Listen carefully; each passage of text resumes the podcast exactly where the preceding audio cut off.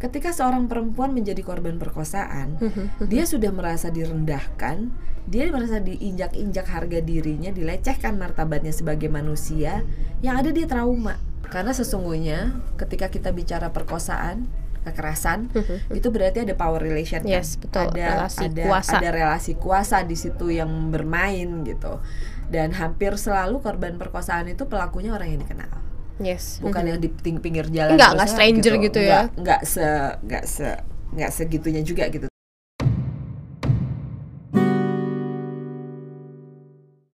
Halo teman-teman semua, Cie, hostnya sekarang baru Eh, hari ini aku Maidina dari ICJR melakukan kudeta terhadap kanal Indonesia Tanpa Stigma dari Rumah Cemara gitu ya. Jadi sekarang hostnya agak cukup baru.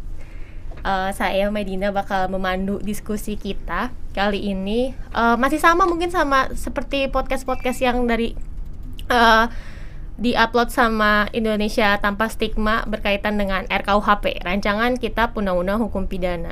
Nah, hari ini kita akan bahas isu yang seru nih untuk dibahas, utamanya berkaitan dengan isu perempuan yang mana ini eh, mungkin akan menggugah rasa kemanusiaan kita gitu. Kenapa penting untuk dibahas dan akhirnya kita perlu ngedorong ini untuk memberikan perlindungan bagi korban-korban perkosaan yang ada di Indonesia. Nah, yang kita bahas hari ini adalah berkaitan dengan uh, aborsi, uh, terkait dengan pengguguran kandungan, bagaimana dia diperbolehkan untuk diberikan kepada korban perkosaan di dalam rancangan Kitab Undang-Undang uh, Hu- Hukum Pidana atau RKUHP.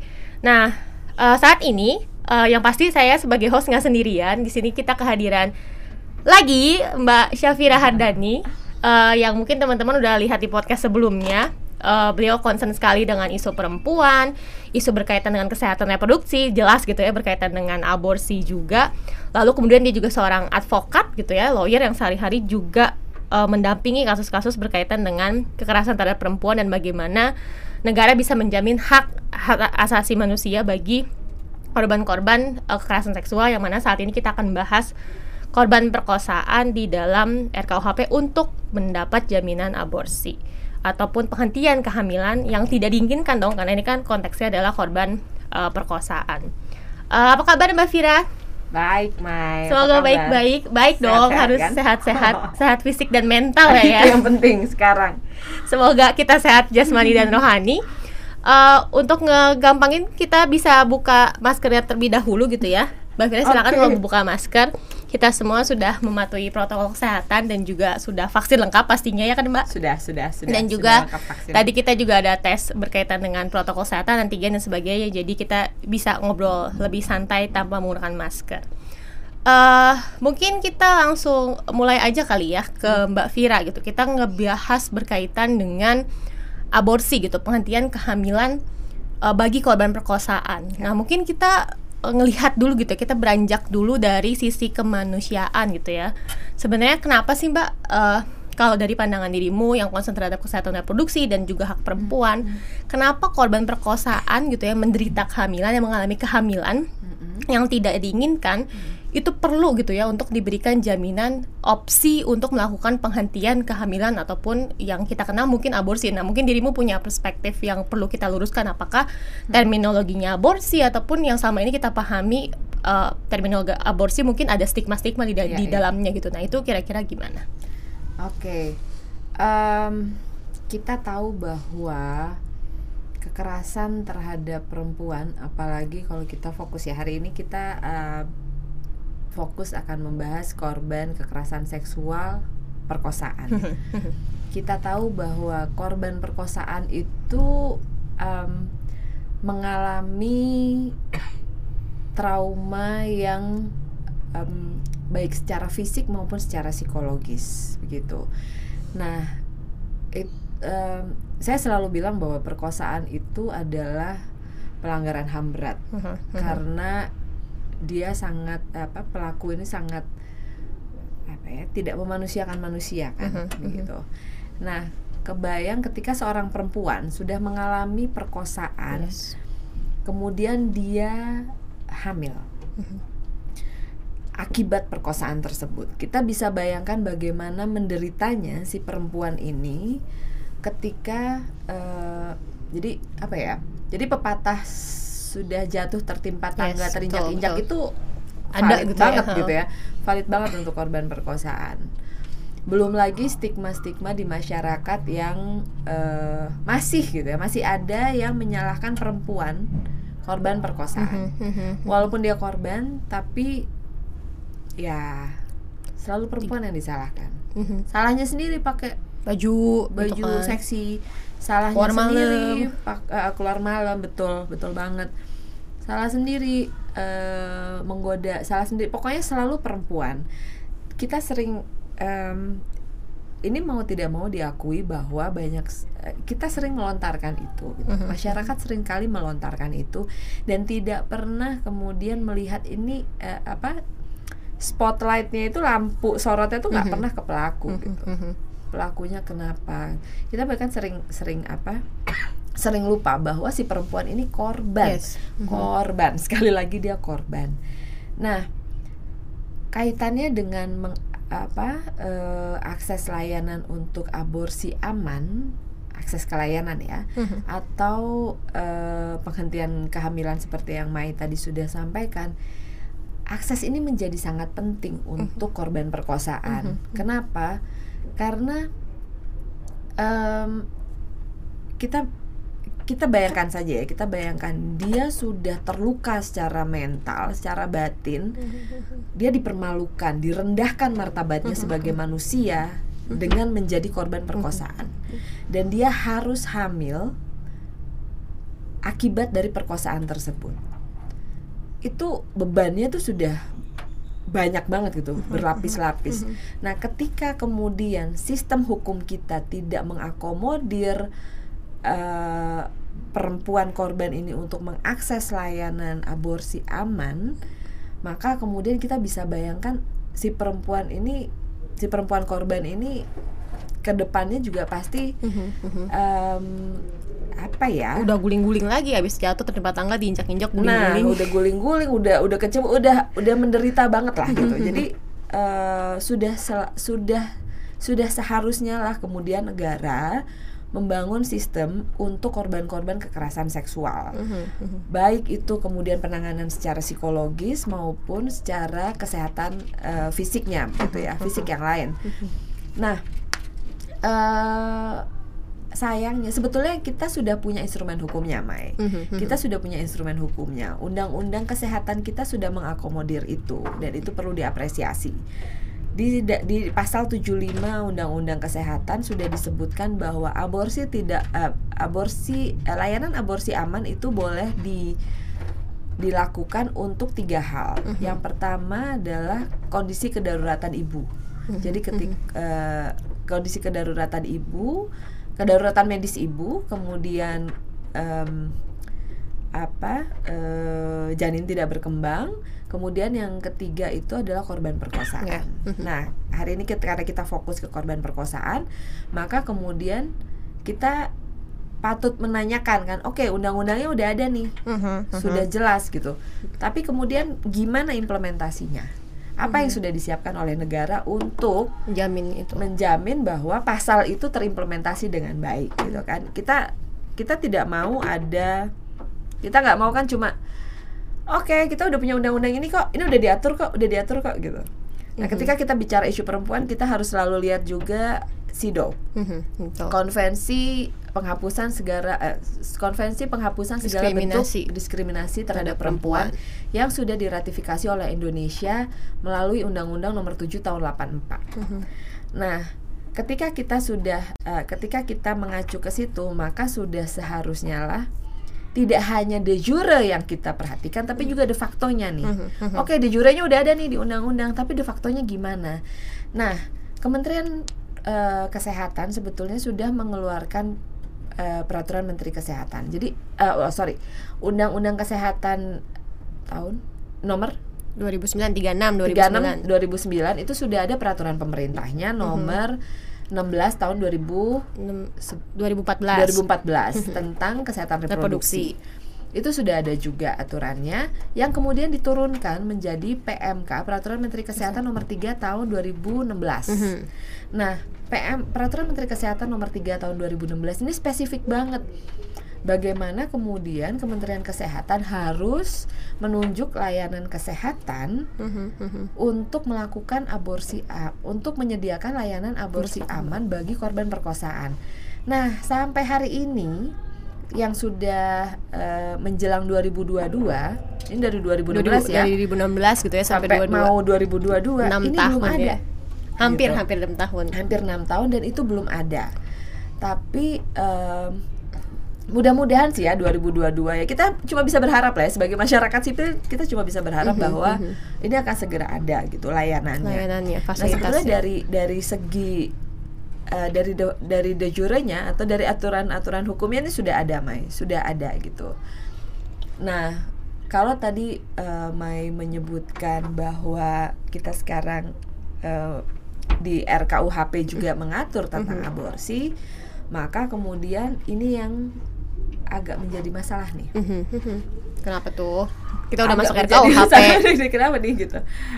Ya, jadi di RKUHP di draft yang bulan September 2019 saya nggak tahu kalau ada draft yang lain ya gitu kan. Nah, itu juga yang terusan kita bahas gitu. Draftnya yang mana nih? Draftnya yang mana gitu? Karena yang kita punya kan, Mei juga punyanya September kan? Sama. Mm. September 2019 itu eh, saya lupa pasal berapa, kayaknya pasal 400-an sekian Ya, lah itu. 469 6 eh 70 71. Ya, nah itu. Mai lebih hafal 6469 sampai 471 itu ada ada bunyi yang an- aneh tapi nyata. Mhm, mhm. Jadi eh, correct me if I'm wrong, tapi di pasal 469-nya itu mengatakan bahwa barang setiap orang yang melakukan peng, apa eh, Pengguguran kandungan. kandungan Hmm. itu akan dipidana lah ya bla bla blanya kurang lebih begitu isinya Mhm. setiap orang perhatikan setiap orang jadi siapa pun yang melakukan si perempuan ini menggugurkan kandungannya menghentikan kehamilannya itu akan dipidana oke sampai Hmm. situ tapi di pasal berikutnya itu dinyatakan bahwa dokter yang melakukan pengguguran kandungan itu tidak bisa dipidana mhm, mhm, mhm.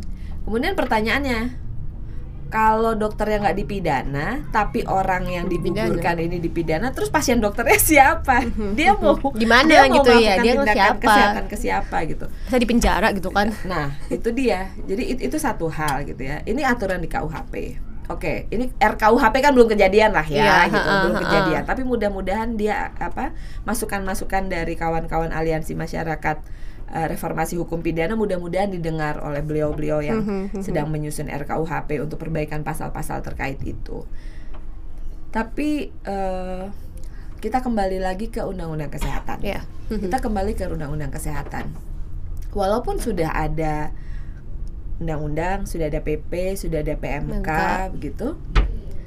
eh ini belum ada sistem yang solid untuk kemudian mengimplementasikan pasal itu Mhm, untuk korban mhm, perkosaan. Padahal kita tahu banyak sekali kasus-kasus Iya, sekarang betul, kan. betul. Mhm. Kasus terakhir kasus Jombang Yes. ha, kasus itu yang Jombang. yang yang sempat naik banget itu kasus Jombang seorang anak perempuan usia 12 tahun 12 diperkosa tahun. Mhm. Dan itu pasti perkosaan ya. Kalau Pasti anak perkosaan. kita perkosaan, kita nggak iya, bicara anak, seks betul, bebas atau sebagainya. betul betul anak itu pasti perkosaan nah hamil tapi kemudian dia tidak bisa mengakses layanan Aborsi aman. anak ini anak eh, korban ini berusia 12 tahun dan baru haid lima kali. Terus dia tidak tahu tentang kondisi tubuhnya. Dan sayangnya orang-orang dewasa di sekelilingnya yang mempunyai eh, power punya kekuasaan untuk bisa Kewenangan. membantu mempunyai kewenangan betul Punya resource gitu ya. kewenangan untuk membantu itu tidak menggunakannya malah kemudian eh, melarang untuk melakukannya gitu kita bisa bayangkan anak ini jalannya masih jauh umur 12 tahun Mhm, mhm. secara ketubuhan secara fisiknya pun dia belum cukup matang untuk Pasti. bisa bereproduksi. Apalagi punya anak. apalagi punya anak kondisi-kondisi apa eh, alat-alat kesehatan reproduksinya alat-alat reproduksinya pun masih belum cukup Siap. siap untuk untuk hamil begitu kan. Nah, ini ini masalah sih. ini masalah ketika rahim perempuan kemudian diintervensi Ya, oleh betul banyak betul orang diatur oleh negara. diatur gitu diatur oleh banyak orang nah ini satu hal sistem yang saya bicarakan tadi tidak hanya masalah sistem kesehatannya tapi juga ini ketika kita bicara perkosaan kan berarti ada kriminalitas nih. Pidana. Ada tindak pidana gitu ya ada di dalamnya. pidana. Dan ini me- apa namanya melibatkan pihak kepolisian juga gitu Mhm, mhm. Nah ini kawan-kawan polisi ini juga bingung nih. Ini kalau ada kasus kayak gini mau di mau dikemanain Iya, ya? padahal jelas-jelas korbannya anak nih udah pasti anak- korban nih kan. Betul betul dan mereka selalu eh, teman-teman di kepolisian kan selalu akan bilang Oh, iya nih aturannya udah ada, cuma kan di sini kemudian dibilang kayak Menkes, Kementerian Kesehatan Menunjuk harus menunjuk layanan gitu ya. layanan Mhm. untuk aks- uh, untuk aborsi aman, Mhm. gitu kan. Nah, ketika kepolisian tidak mendapatkan informasi apa pun, mereka juga takut dong. Takut melanggar gitu kan takut melanggar. Nah ini kan hal-hal ini seharusnya tidak terjadi gitu Yes, ketika betul. kemudian undang-undang yang dibentuk undang-undang yang disusun aturan-aturan yang sudah dibentuk itu diimplementasikan secara cepat gitu. Mhm.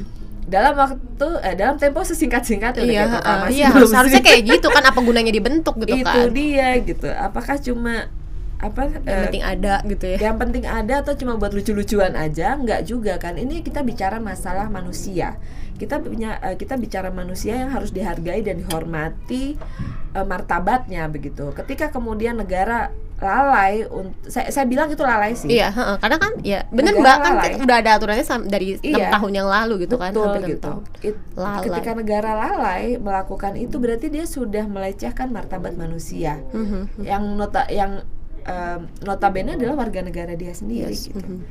tidak cocok eh, bukan tidak cocok ya tidak memenuhi eh, kewajiban negara Yes. dalam pemenuhan HAM Apalagi ini kelompoknya anak kan spesifik lagi kan ada undang-undang perlindungan betul, anak, ada betul. komitmen soal anak. betul betul Yang harusnya jadi bisa di PR-nya kalau masalah korban perkosaan ini banyak banget satu sistem kesehatannya Mhm. kemudian dua di hukum acaranya eh, di, dari kepolisian tuh harus gimana Kayak gimana gitu ya. sistemnya itu sistem rujukannya harus ke mana itu kan juga harus diperhati harus disiapkan Dibangun sebuah kan, sistem harus gitu ya. gitu nah ini yang kemudian PR-nya tuh banyak banget karena ini melibatkan banyak Multi banyak- sektor gitu ya, iya, karena harusnya sistem. banyak pihak Mhm. betul betul eh, sorry itu sih Mai kayak jadi masalahnya tuh eh, sebetulnya masalahnya sudah teridentifikasi masalahnya sudah Iya, teridentifikasi heeh, tinggal betul. bagaimana Kita ngeliat. kemudian kita me- mengurai itu satu persatu dan ayo ini bukan masalah nggak bisa sih mau apa enggak Dan udah kelihatan gitu ya langsung korbannya gitu udah nyata gitu kan. Nah, kalau kita lihat kan betul. emang akhirnya tadi emang kelihatan gitu implementasinya. Tapi Mbak sebenarnya sebelum kita ngomongin RKUHP ya, di sistem yang ada sekarang ini dengan semua misalnya batasan-batasannya lalu kemudian pengaturan eh, apa sih restriksinya buat negara bahwa kan juga Mbak Fira udah Oh, iya. sebutkan gitu ya Betul, betul. Dia dikecualikan tapi untuk limited nih untuk oh, ibu dengan indikasi Nah, medis sama iya. korban perkosaan. Betul, betul. Nah, di sistem yang saat ini nih misalnya di undang-undang kesehatan sebenarnya visible nggak sih emang untuk ngebangun sistemnya atau emang ada catatan lain juga gitu di ada aturan? sih ada Mai ada banget Jadi nggak mungkin sebenarnya dibikin sistemnya gitu. Iya iya, ini yang kita bilang nih eh, apa nih undang-undang nih main-main apa gimana nih? Mhm, mhm. Karena kemudian di dalam apa di dalam aturannya sendiri aborsi aman itu hanya boleh dilakukan maksimal usia kandungan 6 minggu. 6 minggu dari Enam hitungnya 6 usia minggu gitu ya kandung- usia kandungannya 6 kandungan minggu. enam minggu. Satu setengah bulan aja Alangkah- ya. Alangkah mustahil dan mustahil begitu untuk korban perkosaan terutama untuk mengetahui itu gitu. Ketika seorang perempuan menjadi korban perkosaan, dia sudah merasa direndahkan, dia merasa diinjak-injak harga dirinya, dilecehkan martabatnya sebagai manusia, yang ada dia trauma. Tidak jarang korban perkosaan itu yang kemudian melenyapkan alat bukti, Ya.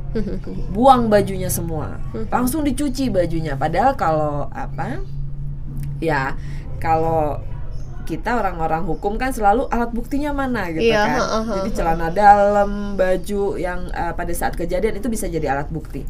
Tapi kan karena budaya patriarki kar- karena kemudian di dalam budaya patriarki kan perempuan itu Perempuan. dibebani dengan harus menjaga kehormatan Yes. Haha, haha. ketika dia sebagai korban perkosaan dia akan sudah merasa bahwa dia men- menodai mencederai kehormatannya banyak korban perkosaan itu yang nggak ngomong kalau dia korban. Karena malu tadi gitu ya karena malu. banyak juga kan abis itu dia ngomong pun juga dipersalahkan Betul, kan banyak kasus yang kayak gitu. Gimana betul. dia mau ngadu gitu kan? Iya iya itu betul sesimpel banget. ngadu. Ini sesimpel bilang dia hamil iya. Itu PR baru kan. Betul betul. Nah itu hal-hal itu yang kemudian luput dari apa bukan luput ya mungkin memang orang ignorance aja gitu Mm-mm. mungkin bahwa pengalaman korban itu yang nggak cukup diangkat di pembahasan Betul, kebijakan kali ya betul. mbak stereotype apa eh, stereotype terhadap korban-korban kekerasan seksual seperti yang saya tadi bilang di awal salah sendiri pakai baju Mhm. seksi Mhm.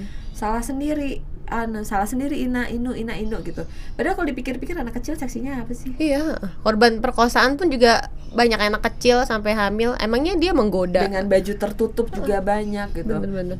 beberapa tahun lalu kan sempat ada tuh eh, apa pameran Oh, pa- busana-busana ya, Iya, pakaian iya. yang di pakaian, korban, gitu kan. perkosaan. Dan itu Dan banyak survei juga bilang gitu ya, rat banyak gitu ya yang pakaian pakai mau baju tertutup. apa juga Dan korban perkosaan yang baru-baru juga terjadi di pesantren pun juga Betul. menderita kehamilan dan ya pesantren gitu pasti bajunya tertutup kan. Betul, Dan orang-orang juga ngerti gitu ya soal agama itu nggak ngelarang gitu kan. Iya. Tapi toh kejadian juga gitu. Iya, benar. Karena sesungguhnya ketika kita bicara perkosaan, kekerasan, itu berarti ada power relation. kan? Yes, betul. Ada Relasi ada kuasa. ada relasi kuasa di situ yang bermain gitu. Dan hampir selalu korban perkosaan itu pelakunya orang yang dikenal. Yes. Bukan Mhm. yang di pinggir jalan. Enggak, enggak stranger gitu ya. Enggak, enggak se enggak se enggak segitunya juga gitu. Tapi eh, mungkin ada, tapi secara statistik lebih banyak adalah orang yang mereka kenal dan mereka percaya gitu. Nah, itu satu. Jadi memang ketika bicara masalah dibatasi hanya boleh Enam sampai minggu. enam minggu, Mhm, satu itu setengah bulan PR gitu. ya. banget gitu. Bisa jadi dia nggak sadar kalau dia hamil. Mhm, mhm. Dengan informasi kesehat informasi dan pendidikan kesehatan reproduksi kita yang sangat minim Yes, betul banget. di Indonesia Ya ini. belajar reproduksi aja nggak boleh gitu ya Nggak dari boleh, kecil gitu. tabu gitu kan. Perempuan ngomongin tahu? Betul. kesehatan reproduksi juga jadi tabu kan? Iya, nah dari mana dia tahu kalau dia hamil kayak gitu-gitu? Itu banyak banget apa eh, itu faktanya gitu ya. gitu ya. Itu faktanya dan kasusnya masih seperti itu. Belum lagi secara psikologis dia malu. Mhm. Ini aib buat aku karena aku diperkosa gitu. Dia belum belum tentu langsung lapor Ya, gitu. mhm. Dia pasti sembunyi-sembunyi lah, sembunyi-sembunyi segala macam. Nah, jadi kalau menurut saya enam bulan tuh nggak visible eh enam bulan minggu. sorry enam minggu tuh nggak visible sama sekali gitu Mhm, mhm. dan eh, apa dan kalau takut kalau alasan pertimbangannya adalah medis Mhm, mhm. dokter eh, ketika kita bicara aborsi aman itu maksudnya adalah aborsi yang dilakukan oleh tenaga kesehatan yang terlatih Ada sistemnya gitu ya. aman. Mhm, aman. Jadi kita bicara aman itu adalah dilakukan oleh Oleh tenaga kesehatan, Kesehatan yang yang terlatih. terlatih. Dalam hal ini dokter obstin atau bidan. Itu mereka kompetensi dasarnya itu udah dapat banget lah. Gampang. Ya, gitu teknisnya udah bisa lah kan. pasti kan. Tindakan itu adalah tindakan yang lebih mudah dibandingkan membantu persalinan. Mhm, mhm. Jadi sebetulnya apa penghentian kehamilan ini secara secara skill itu kalau tidak salah seper 16 atau seper 14 lebih mudah lah dibanding Oh, iya itu Oh, jadi kayak Me- menghentikan kehamilan tuh lebih, mudah, daripada dibanding membantu, persalinan. gitu. Dari aspek Membantu medisnya gitu ya. Betul. Jadi usia berapapun sebetulnya ketika itu dilakukan oleh petugas kesehatan yang terlatih itu aman Mhm, untuk perempuan gitu. mhm. Jadi mungkin bisa di cross check dengan eh, POGI ya, eh, Persatuan Dokter Obstetrik. Hmm. Nanti kita bahas lagi gitu ya, Iya, kacamata kesehatannya gimana dan nih? obstetrik gitu. Dan ini kayaknya juga nggak pernah dibahas gitu ya sama pembahas RKUHP. Betul. Orang kesehatan juga nggak ngomong gitu kan. Betul. Nah itulah kenapa kemudian kita tuh orang hukum eh, mungkin harus kenapa saya bilang harus di cross check karena saya advokat kebetulan ya teman-teman. Kalau nanti kita libatkan lah jangan kayak Iya, pembahas kan, RKUHP juga kita kita iya, orang hukum kita doang. orang hukum doang yang ngomong gitu. Jadi memang perlu ada keilmuan lain yang kemudian mewarnai dan ber- apa memberikan pandangan terhadap satu permasalahan Mhm, gitu. mhm, mhm. Jadi kayak semacam kayak aborsi ini itu orang-orang si legal drafter juga harus dengerin Iya keilmuan betul yang harus lain, justru harus yang gitu. denger ya orang orang yang ngerti gitu ya orang Betul. kesehatan ini. ke ahlinya gitu kan. Baru kemudian bagaimana merumuskan itu ke dalam eh, Pasal-pasal. pasal-pasal keaturan hukumnya.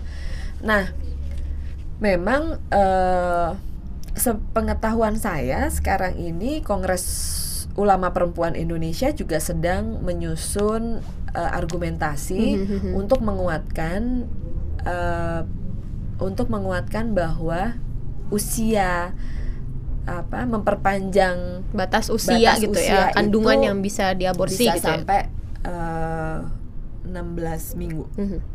120 hari. 120 hari gitu jadi apa empat bulan ya empat bulan, Empat bulan. gitu nah ini eh, setahu saya ibu eh, nyai-nyai dan kiai-kiai di Kongres Ulama Perempuan Indonesia juga sekarang sedang menyusun itu gitu jadi ini menarik menurut saya Iya, karena betul betul. Ini perspektif agama lagi Ini kan yang dihadirkan agama, gitu kan yang betul. selama ini selalu dipertentangkan gitu ya bicara Betul, soal aborsi gitu kan. Betul, betul. Jadi eh, alangkah indahnya begitu kalau dari perspektif agama sudah menguatkan, Yes, kemudian betul. dari sisi medis sudah menguatkan, maka mari legal draft. Tolong dengarkan, ini PR Tolong besar gitu ya. gitu. Jadi supaya pasal 469 sampai pasal 471 itu bisa direvisi, gitu ya. disesuaikan dengan kondisi yang ada memang eh, di lapangan begitu. Jadi eh, mudah-mudahan sih bisa bisa ada perubahan sih, Baik, karena perempuan korban kekerasan itu sudah cukup menderita Yes, betul.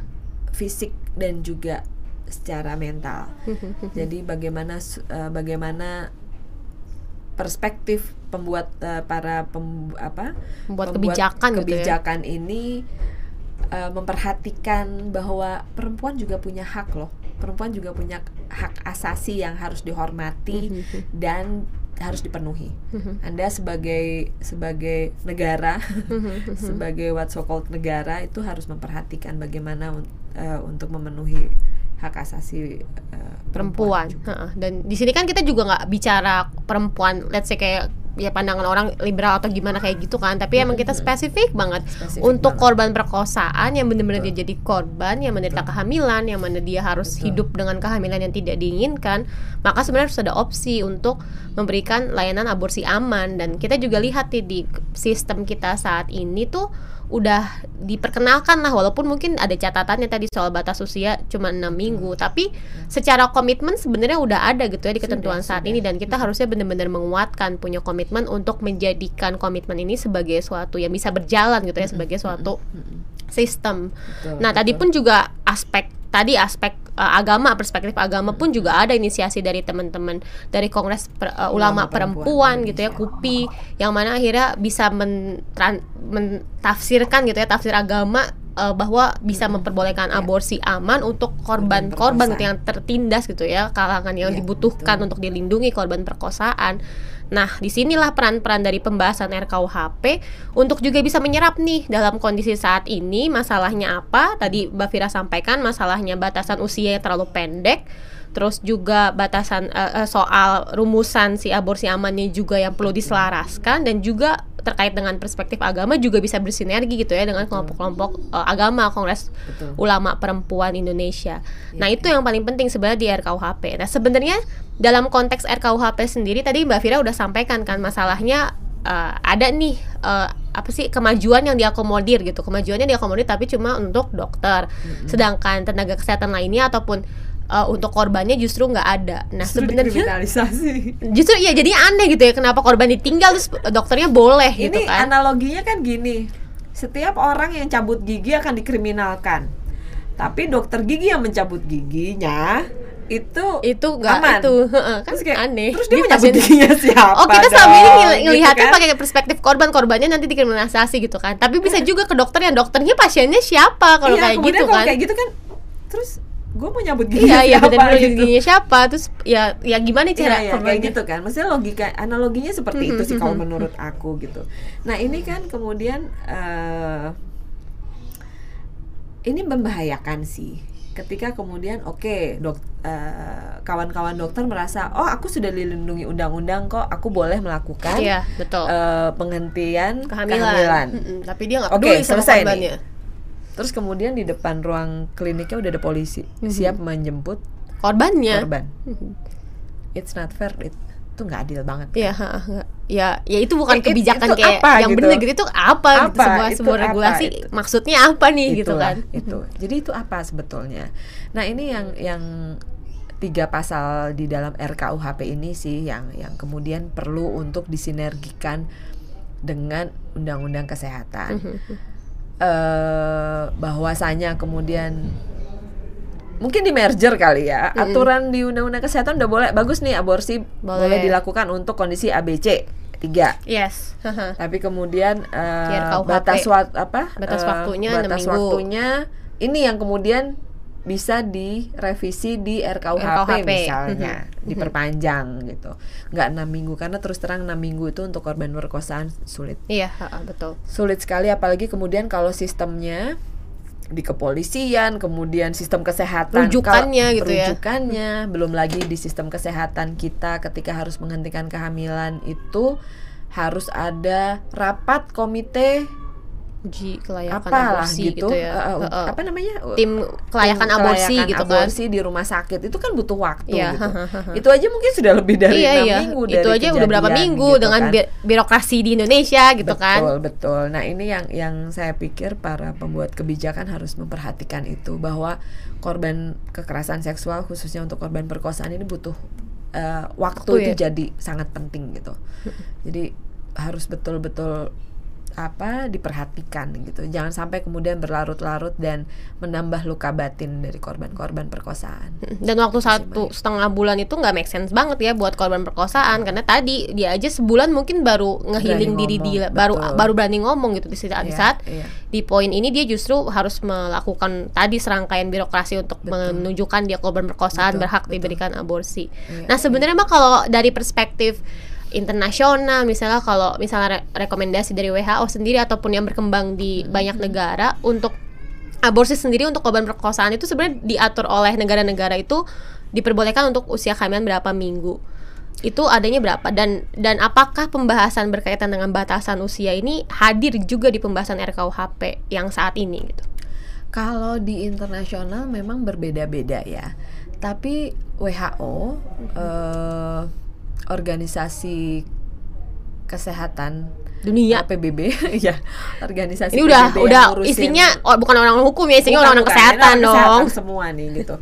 Jadi sebetulnya sekali lagi karena mereka orang kesehatan jadi sebetulnya untuk melakukan aborsi aman itu tidak ada batasan umurnya selama dilakukan oleh tenaga, tenaga yang kesehatan terlatih. terlatih. Tenaga kesehatan terlatih karena itu adalah kompeten, kompetensi dasar seorang dokter obsgin Mhm, kompetensi dasar bidan kompetensi dasar saya nggak tahu apakah dokter umum punya kompetensi eh, mungkin eh, dokter umum punya kompetensi dasarnya tapi belum tentu punya kewenangan Iya, heeh. Nah, tapi diajarkan mungkin ya di diajarkan. kelas kompetensinya umum dia dapat, gitu ya. Mhm. tapi dia berwenang atau tidak itu harus dicek lagi gitu tapi bahwasanya eh, batasan usia itu bukan jadi masalah gitu nah yang membahayakan adalah ini ini konteks ini kalau konteks global ya konteks global sudah jelas sih aturannya begitu gitu nggak ada Karena batasan gitu, boleh. selama- trimester pertama itu pen, eh, pe- trimester pertama pakai tindakan eh, medikamentosa akhirnya artinya pakai pil pakai obat, pakai obat, begitu Oh, ya. Obat pun juga bisa sebenarnya, sesimpel obat, bisa. sesimpel itu. Kan. Sesimpel itu. Nggak- jadi ada banyak nggak se yang seperti kita bayangkan gitu ya kalau itu bentuknya kayak pembunuhan apa segala macam enggak nggak, gitu.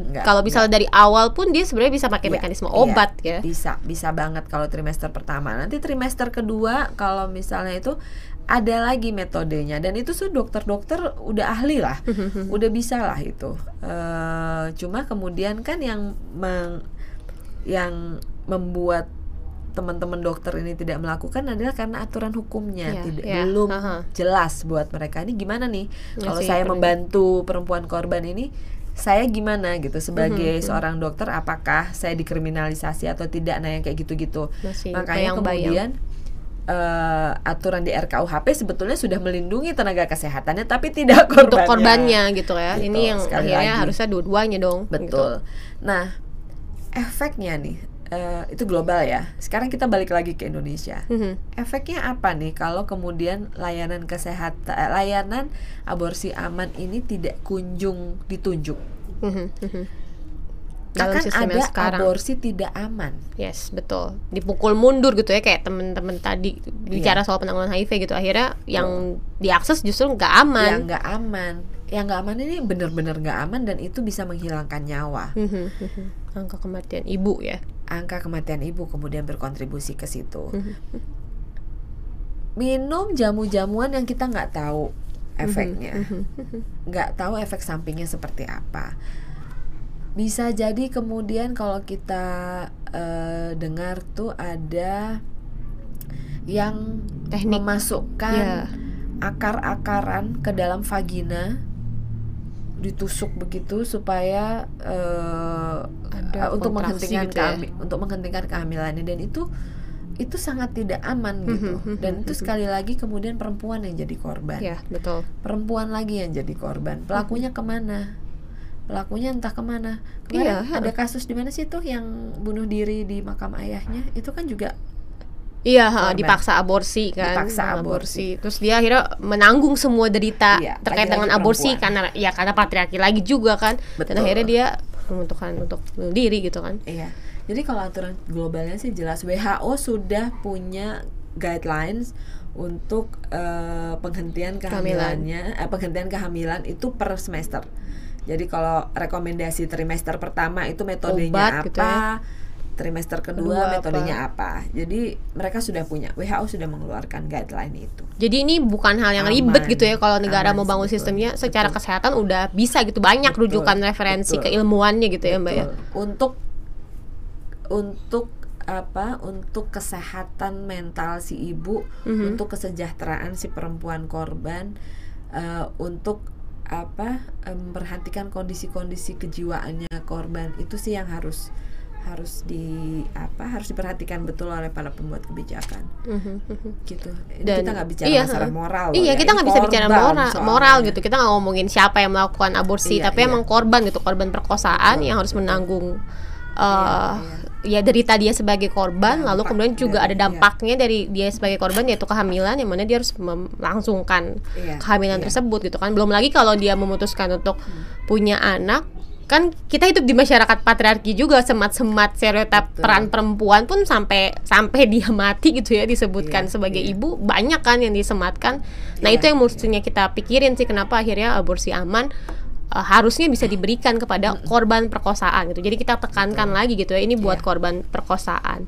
Nah eh upaya itu untuk membahas berkaitan dengan batasan usia kehamilan yang boleh diaborsi sendiri di RKUHP itu sempat dibahas nggak sih bang? Karena kan kita juga dengar kabar nih katanya eh, di beberapa sosialisasi eh, perumus RKUHP disebutkanlah bahwa untuk aborsi akhirnya dimasukkanlah pengecualian untuk perempuan yang melakukan aborsi lalu kemudian diperkenalkan eh, batasan usia yang diperbolehkan itu meningkat gitu Oke. jadi menjadi 120 hari. Iya, Nah, iya. eh, kira-kira pandangan Mbak Fira terkait dengan hal itu dan dasarnya gitu ya kenapa pemerintah menghadirkan angka tersebut dan apakah itu sebenarnya respon yang sesuai dengan keilmuan atau mungkin ada hal-hal lain yang perlu kita perhatikan sebelum akhirnya mengawal si proposal tersebut dari pemerintah itu gimana? Iya, Eh, saya juga sempat sempat dengar dan sempat melihat um, screenshot khusus untuk pasal itu bahwa sudah di, diganti menjadi 120 hari Iya, eh, dan tidak enam minggu gitu ya. Jadi dura, apa batas waktunya itu 120 hari. Ini perlu diapresiasi sih. Ini perlu diapresiasi. karena akhirnya isunya diambil gitu ya. Betul, betul. Di Karena aware gitu oh, ya memperhatikan nih gitu bahwa korban perkosaan itu memang butuh waktu yang lebih untuk bisa bilang bahwa saya diperkosa. Yes. Butuh waktu yang lama untuk bisa akhirnya melapor ke kepolisian begitu. Walaupun idealnya sebetulnya mungkin nggak perlu ada batasan Iya, nggak perlu waktu. ada batasan gitu kan. Tapi Ya, ini perlu mm. diapresiasi lah. Yes, betul. Saya tidak tahu pasti, tapi ini hanya dugaan ya. Ini hanya dugaan. Iya. Sekali lagi ini pendapat pribadi saya. Bisa jadi itu karena ada eh pendapat bahwa ruh manusia baru Oh, di ditiupkan. ditiupkan pada di usia atas 4 bulan. empat di bulan. atas empat ha-ha. bulan. Jadi em, mungkin ini yang dipakai batasannya. Kenapa? Oke di bawah empat bulan masih boleh nih gitu. ini dugaan ya. Ini dugaan karena itu yang paling mendekati sih. Iya, itu yang paling mendekati Betul, usia betul, empat bulan betul. itu. begitu sih Mai walaupun idealnya sebetulnya nggak perlu ada tapi ya ini ya kita bisa ngelihat Itu ini sebagai apresiasi. apresiasi gitu ya Betul, sebagai betul. respon positif gitu ya karena kan kalau kita lihat dinamika September 2019 pun salah satu pasal yang disebutkan oleh pemerintah waktu itu disebutkan oleh Pak Yasona sebagai pasal yang nggak bermasalah kan soal eh, aborsi ini gitu Iya, kan iya. karena dia bilang merefer ke undang-undang kesehatan padahal jauh Padahal di undang-undang kesehatan pun juga banyak masalah gitu. Kenapa RKUHP nggak memperbaiki masalah tersebut dan akhirnya direspon lah dengan ngatur 100 batasan usia 120 hari. Di satu sisi kita mungkin patut pertanyakan gitu ya dasar 120 harinya seperti apa. Eh, tapi ini bisa diapresiasi. Nah, Betul. dari kacamata dirimu sendiri apakah 120 hari ini jauh lebih visible gitu untuk membangun suatu sistem tadi soal rujukan, gimana Iya. korban melapor, gimana akhirnya tindakan bisa diberikan. kalau dibandingkan yang enam minggu Yes, betul. saya sangat mengapresiasi ini yang 120 hari begitu tapi eh, walaupun ya walaupun saya em, saya tidak familiar apakah kita punya yang namanya rape kit jadi itu eh, kayak guidelines gitu ya, panduan pandu em, informasi. eh, jadi ketika polisi menerima laporan Mhm, mhm. maka langsung ada visum kan mereka Ya, langsung melakukan visum dan langsung diberi eh apa yang namanya kontrasepsi darurat Nah, betul. Wah, itu PR baru lagi. Kontrasepsi darurat untuk korban Biar perkosaan. oke karena kita nggak tahu dia akan hamil atau tidak kan Mhm, mhm, mhm. jadi eh, idealnya lagi nih ketika polisi menerima laporan kasus perkosaan setelah visum maka kemudian tenaga kesehatan akan memberikan kontrasepsi darurat, Darurat. tersebut kepada korban, korban langsung perkosaan untuk mencegah terjadinya pembuahan, pembuahan kehamilan. Hmm. yang berda apa yang berujung pada kehamilan Mhm, gitu. Ini kan sebetulnya bisa ini kan pencegahan banget gitu ya. Ini pencegahan banget. Nah, First aid-nya banget nih buat bener-bener betul. korban perkosaan gitu ya, P3K nih, P3K-nya gitu. banget P3K gitu ya. banget nih untuk korban perkosaan. Nah, apakah itu sudah dilakukan? Itu yang saya saya nggak tahu sih. Itu eh, mudah-mudahan sudah ya, tapi mungkin itu bisa dicek juga dan apakah kemudian sosialisasi terkait dengan bagaimana me memper- gitu ya, memperlakukan korban, korban perkosaan. perkosaan. ini sudah sampai ke Level, level di polsek, misalnya. gitu ya, huh. karena kan eh, kita mengadukan kadang-kadang nggak bisa bedain kan polsek di mana polres di mana pokoknya ada polisi lapor, lapor, gitu, gitu kan. kan. Ah, di mana ada polisi dia lapor gitu nah apakah kemudian ini sudah disosialisasikan ke sana walaupun kemudian kan yang melakukan entah RSUD-nya Mm, sebagai mitra entah- kepolisian untuk entah rumah sakit Polri-nya gitu kan, kayak Polri. visum. mungkin nggak tahu suatu hari nanti mungkin kalau di polsek sudah boleh dia bisa bisa ke puskesmas Yes, untuk betul. melakukan itu gitu atau ya saya nggak tahu tapi sistem sistem kesehatan Dibangun. itu juga perlu dibangun untuk ini berdampingan begitu dengan eh, sistem hukumnya ini Iya, mau gimana ini hukumnya. untuk korban perkosaan karena sebetulnya di korban untuk untuk korban-korban KDRT kan sudah jalan Ya. Nah itu Korban KDRT heeh. udah jalan. Sistemnya udah udah ada nih, udah ada nih. sistem yang buat Sudah, KDRT. gitu, sudah ada gitu sudah terbentuk nah ini kan sebetulnya tinggal ditambahin aja gitu Mm-mm. Kalau Untuk untuk korban perkosaan dengan kehamilan kayak gimana kayak Betul, gimana gitu kan, betul, make betul, sense gitu, betul. bisa gitu kan dibangun sama Ya. negara. karena itu ada ada pil uh, ada pil yang namanya postinor Postinor. untuk kontrasepsi darurat Kontrasepsi begitu darurat. untuk Mhm. kontrasepsi darurat jadi untuk mencegah terjadinya kehamilan yang tidak diinginkan itu sih Mai Jadi emang dibangun sistemnya gitu kan. Sebenarnya dalam Betul, konteks saat betul. ini kalau dari panda, bukan pandangan sih, penemuan dirimu, temuan dirimu. Hmm, Nah, sebenarnya re- kit itu tuh kayak sikap tindak eh, penyidik ataupun polisi menghadapi korban Nah, perkosaan itu, itu PR juga tuh masih ada catatan atau Mas- gimana? iya di beberapa tempat sudah bagus ya Nah, Di ada beberapa tempat-tempat yang bagus teman-teman. Jadi ada ada ada ada, ada Ada practice gitu sudah- ya. sudah apa perspektifnya sudah bagus kemudian secara apa sudah berempati sudah sudah paham lah bagaimana untuk menghadapi perempuan-perempuan korban kekerasan atau korban-korban dan korban-korban perkosaan Mhm. eh, korban ko- perkosaan gitu ada yang bagus ada yang sudah berempati gitu tapi masih ada PR juga banyak tempat yang masih eh, menstigma itu tadi Mhm, ternyata mhm. stigma itu tidak hanya datang dari masyarakat Iya. Tapi juga dari aparat penegak Iya. hukum. Banyak, banyak bukan Masih ada, tapi banyak. banyak emang dari para penegak hukum aku terlalu gitu sopan kan. ya Heeh. Banyak. kasus yang baru-baru ini juga ada gitu kan disuruh nangkap sendiri Betul. pelakunya coba Betul, Masih betul, ada. betul.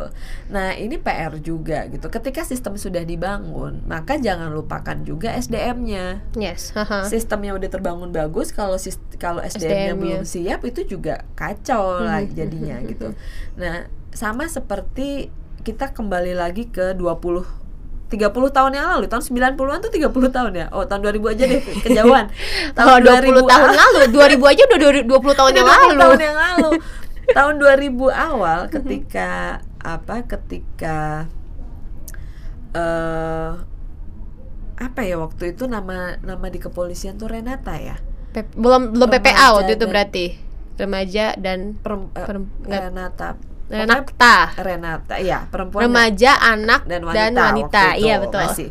Jadi waktu ada desk baru itu, Aha. meja baru di di di kepolisian. sebelum PPA berarti ya sebelum PPA itu eh, saya ingat betul bagaimana waktu itu Ibu Ira Harsono sebagai apa beliau kalau nggak salah Kombes ya dia Kombes, polisi iya, ha. iya. Eh, salah satu perwira tinggi di di kepolisian Ibu Ira Harsono melatih betul itu Mhm. junior juniornya untuk memahamkan junior juniornya terkait dengan kekerasan terhadap perempuan yes Aha. dan bagaimana kemudian polisi bisa melakukan pelayanan yang maksimal terhadap perempuan, Perempuan, korban, korban kekerasan. perempuan dan Mhm. anak korban kekerasan gitu.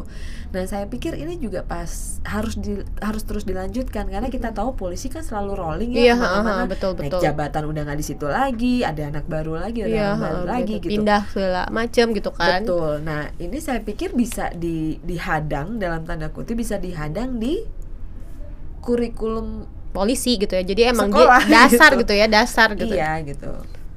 Sebetulnya dasarnya HAM ya. Lagi-lagi Iya kan polisi juga punya perkap HAM kan Iya. tambahin lah juga pahamnya juga konteksnya Betul, korban- perlindungan korban kekerasan kayak korban gitu kan Kekerasan terhadap perempuan juga kan gitu. Nah, sebetulnya eh, SDM SDM di aparat penegak hukum tidak hanya di kepolisian tapi kejaksaan dan juga di di Pengadilan. pengadilan begitu.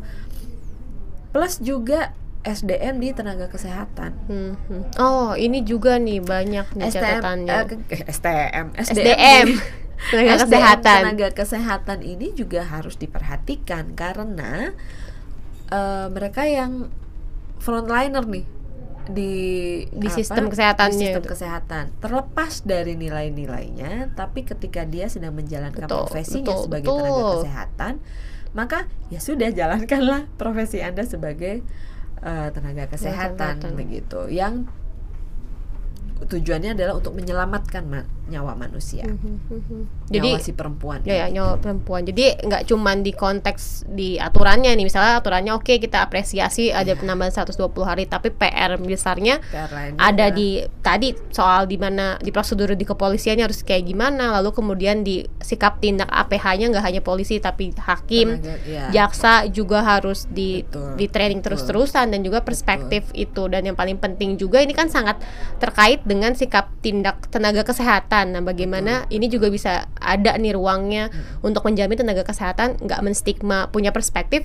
Paling tidak nih tadi Mbak Fira sampaikan paling tidak dia menjalankan sesuai dengan ketentuan gitu ya. Terlepas Iya, dari iya. nilainya mungkin berbeda pandangan tapi kalau udah menyangkut dia menjalankan kewenangannya tugasnya maka harusnya tidak ada stigma terkait Iya. dengan hal itu. Betul gitu. betul. Jadi PR-nya banyak sih. PR-nya banyak. Nah, ini mungkin kita eh, ngelihat dalam kacamata dari tadi mungkin banyak bahas RKUHP kita agak marah-marah gitu ya. Tapi di satu sisi kita punya ada tadi yang Mbak Vira apresiasi ini gitu ada kan. ada latar belakang kenapa kami marah-marah kami sering ketemu korban soalnya terus frustasi sendiri Iya, Oh, karena ini korban gitu. terus-terusan berjatuhan kan. Nah, cuman Betul, tadi Mbak. Vira kasih eh, sampaikan gitu ya bahwa ada hal yang perlu kita kawal terus gitu ya di mana batasan usia eh, kandungan yang bisa dilakukan aborsi untuk korban perkosaan itu menjadi 120 hari. Maka ini harus dikawal dan ini Mbak Vira tadi sudah sampaikan angka ini 120 hari sangat mungkin untuk eh, di dikawal untuk dibangun sebuah sistem kesehatan. Nah, dan ini yang perlu kita Sistem terus kawal gitu ya, terus ya. berjuang untuk hal itu gitu. Dan Betul. Eh, tadi Mbak Fira juga sampaikan bahwa pembangunannya nggak konteksnya tidak hanya hukumnya aja. Nah, eh, mungkin ini eh, terakhir gitu ya eh, pembahasan eh, kita yang terakhir. Yang bisa kita lakukan untuk mengawal ini seperti apa Mbak dan dan paling tidak eh, gimana gitu ya kita bisa menyuarakan ke pembahasan KUHP dan juga mensinergikan dia dengan kebi pemangku kebijakan yang lain misalnya Kementerian Kesehatan ataupun juga ahli-ahli yang lain untuk juga melihat gitu ya bahwa ini nggak selesai nih dengan hanya ngatur secara bunyi pasal tapi harus dibangun juga ke uh, dalam sebuah sistem dan harus punya komitmen untuk hal tersebut. Nah, itu kira-kira dari sisi kitanya bagaimana nih sebagai masyarakat yang yang bisa sangat erat gitu. Ini kan nilai kemanusiaan kita yang tergugah betul, kan. Betul, betul, dan di satu betul. sisi untuk uh, pembuat kebijakannya yang yang harus kita tekankan nggak melulu soal orang hukum. Iya tugas kita um, mungkin sebetulnya tugas DPR ya karena mm-hmm. DPR punya fungsi pengawasan cuma karena kita yang memilih DPR kita juga punya hak iya. untuk mengawasi kita ingetin aja terus yang anggota DPR woi gue gue pilih gitu. gitu kan kita harus mengingatkan tiga bad tiga badan negara itulah legislatif judikatif dan legislatif kita harus selalu mengingatkan karena undang-undang kesehatan sudah disediakan oleh legislatif nih eh, mm-hmm.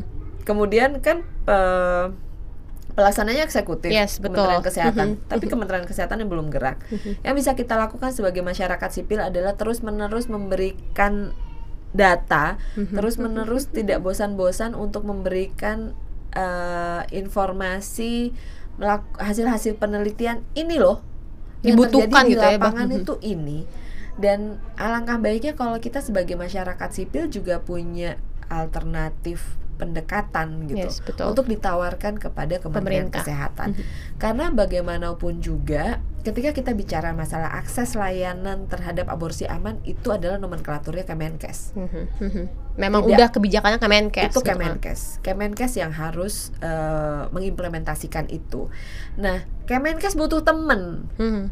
Kita bisa sebagai masyarakat sipil menjadi kawannya Kemenkes. Yes, betul. Mudah-mudahan Kemenkes bersedia dan kita bisa juga tawarkan ini loh uh, dari dari pengalaman kami di lapangan menemani korban, mendampingi korban, gapnya di sini sini sini dan ini loh alternatif sistem yang kami tawarkan.